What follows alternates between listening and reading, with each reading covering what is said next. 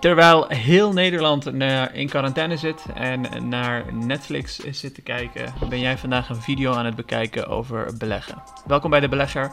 En vandaag gaan we het hebben over iets wat ik persoonlijk de, een van de belangrijkste dingen vind als het op beleggen aankomt. Belangrijker dan dit kan bijna niet. Want als je dit verkeerd hebt, dan kan je de beste balans lezen. Dan uh, kan je nog een Masters in Finance hebben of een van de slimste mensen op aarde zijn. Maar als je dit niet goed krijgt, dan gaat het beleggen wel echt heel erg lastig worden.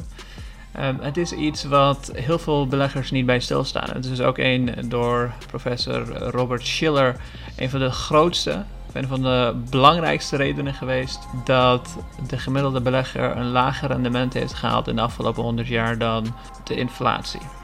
Terwijl als je kijkt naar de SP 500 en je kijkt dus wat voor veel mensen als de markt wordt gezien, een gemiddelde rendement van 8% normaal is in de afgelopen 100 jaar. Vandaag gaan we het hebben over behavioral finance. De psychologie achter het beleggen is redelijk complex, maar we gaan een aantal dingen doornemen die het makkelijker maken om te begrijpen. Er is ontzettend veel literatuur, er is heel veel, echt ontzettend veel boeken en studies en uh, uh, onderzoeken, noem maar op. Allerlei dingen die je hierover uh, kan gaan lezen in, online als je het interessant vindt. Um, de dingen die ik straks zal opnoemen kun je ook allemaal opzoeken. Er zijn heel veel studies gedaan over, over door bijvoorbeeld Daniel Kahneman. hij heeft ook een heel mooi boek geschreven wat Think Fast en Slow heet. zeker een aanrader. Um, maar daar gaan we dus vandaag over hebben. Voordat we dat doen, misschien goed om even ergens bij stil te staan. Ik wil namelijk iedereen bedanken die in de afgelopen tijd mijn video's heeft bekeken op YouTube. En inmiddels ook, deze zijn ook inmiddels beschikbaar op iTunes en op Spotify. Want in de afgelopen maanden zijn er meer dan 250.000 mensen geweest die naar mijn video's hebben geluisterd. En dat zijn ontzettend veel. Dus ik wil iedereen even bedanken persoonlijk bij deze. En als waardering zou ik jullie willen vragen om even op iTunes een review achter te laten.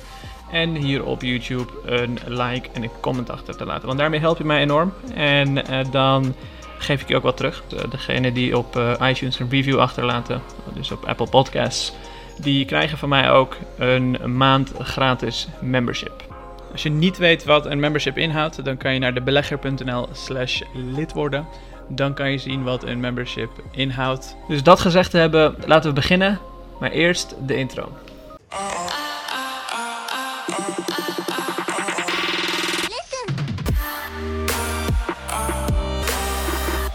Ik wil beginnen met een stukje te laten zien van een psycholoog die Daniel Kahneman heet en ook een Nobelprijs uh, heeft gewonnen. Hele slimme man dus. Het is ook iemand die veel onderzoek doet naar behavioral finance. En um, ik wil hem eerst even laten zien en daarna gaan we een aantal zaken bespreken. Luister maar even. And the research on that, possibly still the best research, was done a long time ago by Terry O'Dean, who earlier than that was a student of mine. And he studied the individual investors who had large accounts or accounts in a brokerage house. And he studied every transaction that they made over a period of several years. And he focused in particular on days in which the individual both sold one stock and bought another. Now, those days, you know that this is not a liquidity issue. This is the, the determinant of the individual's behavior is some belief about the two stocks. And the stocks they buy is going to do better than the stock they sell. And now modern technology makes the, uh, an analysis possible. And this analysis is straightforward. Um, you can look a year later and you can see which does better, the stock that individuals buy or the stock they sell. And the result is actually very striking. Uh, one might even say astonishing. On average, the stock that people sold did better than the stock they bought. But it's not only that it did better. It did better by a large amount. The average is 3.4%. That is huge. And it's been replicated many times, a very solid result. I, I keep wondering why it isn't better known in the world of finance because, I mean, it is known, but it's not quite as widely known as I think it deserves to be. The idea is that there is an average cost to having an idea for an investor, and the average cost is above 3%, which is quite a lot. Uh, so having ideas costs people money, and they have lots of ideas. Individual investors tend to churn their accounts, they tend to trade too much, and clearly they trade too much that must express some kind of overconfidence. They believe they know something that they do not know. And this is one essential characteristic of uh, human beings, which makes them different from rational beings. Terry O'Dean also showed, among many other things, uh, that uh, women investors, for example, do better than men investors as individual investors. And the reason is, again, completely straightforward. It is that they it's not that they have fewer ideas. Uh, they may have as many ideas, but they act on fewer of these ideas. They just trade less. And by trading less, they achieve significantly better uh, results than many investors. So that, that, that is one main example of what happens to individual investors in the market. Clearly, there are people on the other side of these transactions. The other people are professionals not that the professionals know so much, but the professionals clearly know better than the individual investors and clearly take advantage of them. And it's because the market consists both of professionals and of individuals, and these days also of computers, it is quite difficult to make money from psychological assumptions. But uh, it is useful to know something about individual investors. Goed, wat Daniel Kahneman uh, hier uh, vertelt is dat de meeste individuele beleggers allerlei ideeën hebben en die ideeën kosten je uiteindelijk geld. Vrouwen zijn net iets beter dan mannen daarin, want die kunnen uh, op hun handen iets langer zitten dan mannen. En die nemen ook niet per se 1, 2, 3 actie als ze een bepaald idee of iets dergelijks hebben. Um, en eigenlijk zou je um, je moet afvragen, wat, wat zijn dan die ideeën? Dus hoe, wanneer koopt iemand een aandeel, wanneer verkoopt iemand een aandeel, wanneer maak je transacties en wat beïnvloed je dan precies om dat soort dingen te doen? En die beïnvloeding, die beïnvloeding is vooral door een stukje psychologie. Als je heel even uitzoomt hè, buiten de prijs en de uh, financiën van een bedrijf en al dat soort zaken, wie is nou diegene die dat soort beslissingen neemt? Dat ben jij. Jij neemt dat soort beslissingen. En jij bent een mens en je hebt uh, een bepaald uh, aantal zintuigen, noem het maar op, gedachten, et cetera.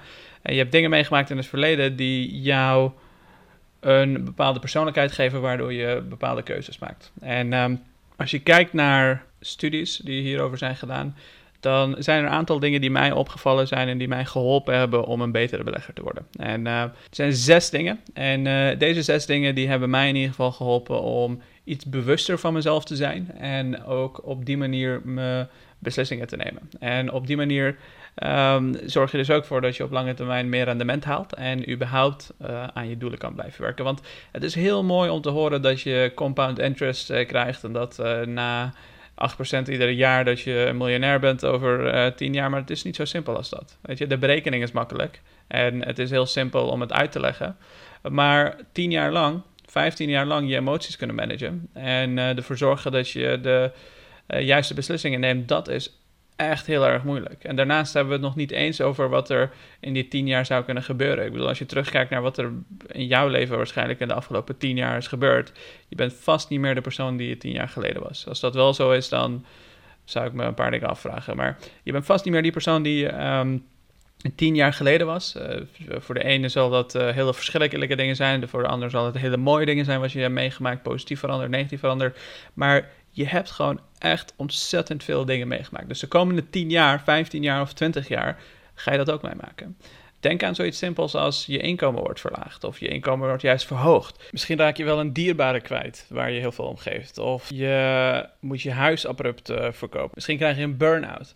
Dus er, er, kunnen zoveel dingen in je leven gebeuren. Weet je, hoe ga je daarmee om? En um, Het zijn toch belangrijke dingen. Dus die, de zes dingen die voor mij belangrijk zijn en die ik even ga uitlichten, zijn ten eerste overconfidence, te zelfverzekerd zijn. De prospecttheorie, regret-theorie is ook een hele interessante. Dus mensen zijn uh, bang om spijt te hebben ergens van. Gokken, gambling, dat is ook een hele interessante. Cognitive dissonance, wat tegenwoordig heel vaak confirmation bias wordt uh, genoemd, maar binnen de psychologie is het, uh, wordt het cognitive dissonance genoemd. Daarnaast, als allerlaatste anchoring.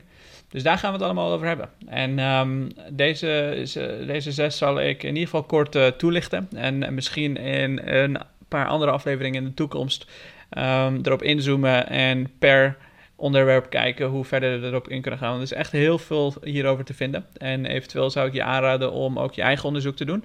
Dus even gaan googlen naar al die dingen die ik net opnoemde en ze één voor één bekijken als je daar de tijd voor hebt. Of je kan wachten tot er een nieuwe aflevering komt en dan gaan we het dan erover hebben. Maar goed, laten we beginnen met uh, overconfidence. Um, overconfidence is um, vooral heel makkelijk uh, te zien aan mensen die um, binnen de financiële wereld zitten. Dus mensen die uh, bijvoorbeeld een master's degree of in ieder geval hoger opgeleid zijn binnen de finance wereld. En die zichzelf vooral laten leiden door heel veel cijfers en dat soort zaken. Dus dat betekent niet dat cijfers slecht zijn, maar wat je vaak ziet is dat in, in combinatie met een paar andere dingen overconfidence echt killing kan zijn. Ik heb voorbeelden gezien binnen de community van mensen die ontzettend overtuigd waren en bijvoorbeeld een aandeel als TUI. Um, dat dat uh, keihard omhoog zou gaan. En uh, ja, je kan natuurlijk nooit corona voorspellen, maar zelfs voor corona was het uh, redelijk mis ermee. Maar dat soort dingen kunnen echt, echt heel hard misgaan. Zeker als je dan niet gediversifieerd bent en je hebt alle al je geld eh, in, in zo'n aandeel zitten. Omdat je zo van, ervan overtuigd bent dat de cijfers kloppen en dergelijke, ja, dan, dan gaat het echt heel veel pijn doen. Um, en het gaat veel verder dan jijzelf, want je vrienden die overtuigen je natuurlijk ook van allerlei zaken. want alles wat jij vertelt gaan zij natuurlijk meenemen. Um, en ook mensen de community bijvoorbeeld. Hè? Dus DGOC is bijvoorbeeld heel erg populair geweest de afgelopen tijd. En je ziet ook dat heel veel mensen binnen de community soms dezelfde portfolio's en dergelijke hebben. En dat is gewoon heel simpelweg onwetendheid. Mensen die misschien net niet hun eigen onderzoek doen of de confidence, dus de, de, de, zelf, de overtuiging van anderen geloven. omdat de anderen met cijfers komen. Cijfers die zij misschien zelf niet eens goed genoeg begrijpen om te kunnen evalueren. Dus dat zijn wel dat, ik, zou daar wel echt heel erg serieus over nadenken als je, uh, als je, als je, als je ergens ontzettend zeker over bent. Uh, ik zou op zijn minst drie, vier artikelen proberen te zoeken waarom het niet zo zou moeten zijn. Uh, tegenargumenten en dat soort dingen. Voor alles wat je wilt weten en alles wat je wilt vinden zijn er altijd heel veel tegenargumenten die je ook even moet consideren. Als je dan nog steeds overtuigd bent, dan zou ik er iets, iets mee gaan doen. Um, overconfidence is uh, iets wat ik zelf ook getest heb. Voor de mensen die mij op Instagram volgen, ik heb drie vragen gesteld. Dus één, hoe groot is de wereldpopulatie? Twee, um, hoeveel talen zijn er überhaupt op aarde? En drie, hoeveel kilogram weegt de aarde? En ehm, Daarbij heb ik wel een kanttekening gezegd. Ik zei alleen antwoorden als je weet, als je 90% zeker weet dat je het antwoord weet. Ze moeten echt ontzettend zelfverzekerd zijn dat ze uh, de juiste antwoord hebben. En verrassend genoeg op de wereldbevolking, uh, of de, de vraag uh, over wereldbevolking, hebben vrijwel 80, 90% mensen hadden het goed. Dus het is duidelijk iets wat heel goed gecommuniceerd wordt over de hele wereld heen. Maar de andere vragen, volgens mij had minder dan 1% zat er überhaupt dichtbij. En uh, er zijn wel mensen die hebben gezegd dat ze 90% zeker weten dat ze dichtbij, dichtbij zitten. Uh, het antwoord is 6500 voor talen en uh, meerdere miljoen miljard voor hoeveel de aarde weegt. Maar 1% had het goed. En dit is een replica van een studie die al gedaan is, meerdere keren, waarin mensen dit soort dingen worden gevraagd. En dan komen we ook misschien heel goed op de tweede versie, of de tweede. Laten we dan het even hebben over anchoring. Um, anchoring is een, een, mooie om hierop toe te voegen. Uh, anchoring heel, heel simpelweg het betekent je anker ergens gooien. Als je je ankers ergens gooit, dan heb je een nulpunt. En vanaf dat nulpunt kan je dan allerlei aannames maken. En um, als het op aandelen en dergelijke aankomt. Um, een heel mooi voorbeeld daarvan is een studie wat gedaan is waarin ehm, een groepje mensen in een zaal worden geroepen. En ze worden ergens hun mening over gevraagd, hoeveel ze, of ze iets daarvan zouden vinden. Maar voordat dat gebeurt, is er een draaiende wiel die keihard wordt gedraaid. En er komt een cijfer, random, compleet random en arbitrair. Ehm, en het schijnt dat mensen dus heel erg dichtbij dat cijfer dus zaten. In, plaats van dat ze echt met iets kwamen wat dichtbij zat of iets dergelijks. En dat random cijfer die ze daar, daar zagen, dat heeft ze zodanig beïnvloed dat ze dus uh, hun antwoord daarop baseerden, terwijl het volledig arbitrair was. En ik denk dat, dat, dat, dat je dat ook even bij jezelf moet nagaan. Dus, zeker als je kijkt naar een aandeel bijvoorbeeld. Um, een aandeel is. De, de prijs van een aandeel zegt je eigenlijk niks. Want eigenlijk moet je er daar gewoon als allerlaatste naar kijken zelfs. Um, ik zou meer gaan kijken naar de businessmodel. Ik zou kijken naar wat leveren ze, hoeveel uh, revenue hebben ze binnengehaald. Gewoon alle cijfers en dergelijke. En dan zelf ongeveer schatten wat je ervoor zou betalen. En als je dan vergelijkt, dan heb je een hele andere anchor dan als je eerst naar de prijs kijkt en daarna gaat beslissen. Maar tegelijkertijd werkt de anchoring ook natuurlijk anders. Als je kijkt naar bijvoorbeeld een bedrijf als Tesla. Ik heb het voor 250 per stuk uh, bijvoorbeeld uh, gekocht. Um, terwijl het nu bijna 900 euro per aandeel uh, waard is. Dus die anker die er toen was, voor mij is die 250 dan normaal. Lijkt 900 opeens zo belachelijk veel dat ik um, wel meerdere keren zou nadenken automatisch, ook al wil ik dat niet. Maar het zit wel nu in mijn hoofd gegrift dat ik het op die manier moet, moet gaan zien. Weet je wel, dus dat, dat, dat is anchoring. Dat is wel iets gewoon wat ontzettend speelt. En als je dat niet goed begrijpt of niet bewust van bent en ermee handelt en er, ernaar deelt, dat het wel redelijk ook je kan scha schaden. Daarnaast um, Prospect Theory. Prospect Theory is een uh, uh, theorie waarbij er meerdere malen gemeten is dat je pijn veel sterker voelt dan reward. Dus dat, stel je zou um, morgen een briefje van 100 euro kwijt raken, dan vind je dat veel erger dat, dan als je 100 euro zou vinden. Um, dat zou je veel minder, ja, je zou waarschijnlijk uh, iets van gaan kopen of iets dergelijks, maar je, je zou de pijn van, van, de, van de verlies veel erger ervaren. En uh, dit is ook bewezen, er zijn studies door die Daniel Kahneman die je net hoorde ook uh, daarover gedaan. Dan neemt hij de x-as en de y-as en dan laat hij precies zien hoe, dat, hoe er een kink zit als je naar de reference point kijkt. Dus reference point is een nul, nulmeting. Um, alles wat uh, gains is, hoe je dat dan voelt. En alles wat losses is, hoe je dat dan voelt. En je ziet daar precies in midden, bij de reference point, zie je een kink. En dat is ook een kink wat heel veel mm, bedrijven gebruiken om mensen te manipuleren, om het even zo te zeggen. Uh, dus denk aan bijvoorbeeld mensen die, of bedrijven die je proberen te manipuleren door te zeggen: koop nu, want anders gaan de prijzen omhoog volgende week. Of uh, nu 20% korting tot en met te, over twee weken. Want als je het nu niet doet, dan uh, raak je die korting kwijt. Dus dat zijn, dat zijn een aantal voorbeelden daarvan. Als je daar bewust van bent, dan weet je ook een beetje van... oké, okay, ben ik hier um, um, door prospecttheorie aan het beïnvloed aan het worden? Of is het iets echt wat ik rationeel, waar ik rationeel over heb nagedacht en een keuze over maak? Daarnaast regret theorie. dit, is, ja, dit valt een beetje onder prospecttheorie, maar... Ehm, dit, dit is wanneer mensen bang zijn om spijt te hebben. En uh, het is iets heel erg uh, emotioneels uh, bij mensen. Mensen zijn angstig om iets verkeerds te doen en slechte keuzes te maken. En omdat je bang bent om slechte keuzes te maken, kan je dan oneindig lang allerlei dingetjes in, in acht nemen die volledig onbelangrijk zijn. waardoor je bijvoorbeeld heel lang wacht met beleggen of te lang wacht met het kopen van een aandeel. Of juist uh, een aandeel zakt met uh, 20, 30 procent. Dat je dan uh, denkt van, oh jeetje, ga ik spijt hebben van deze aankoop. We moeten hem nu verkopen. Um, en dat zijn, ja, dat zijn, dat klinken misschien hele simpele dingen. Maar het, het zijn dingen die je continu aan het beïnvloeden zijn. zonder, dat je het, zonder dat je het misschien doorhebt, onbewust. Daarnaast um, gokken.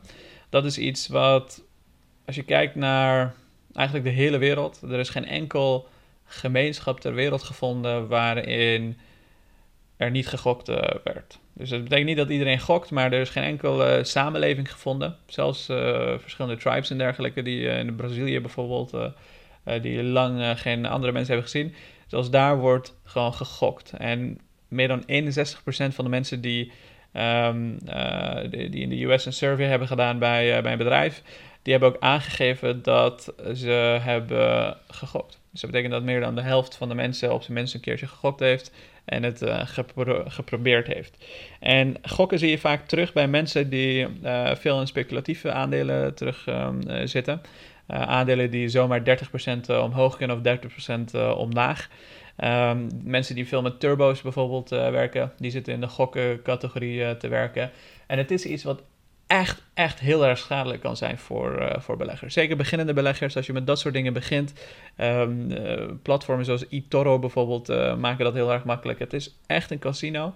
En de, de, rush en de kick die je krijgt van een aandeel die 30, 40 procent in één keer omhoog klapt. En dat je dan jezelf opeens 30, 40 procent slimmer voelt.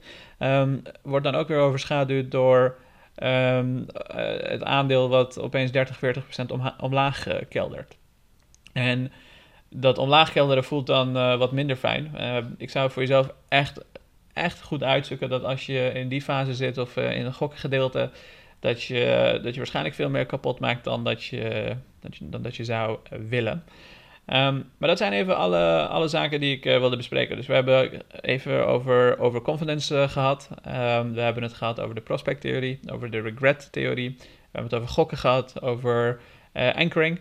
Ik merkte dat ik iets uh, vergeten ben. Volgens mij cognitive dissonance uh, wou ik nog ook even bespreken.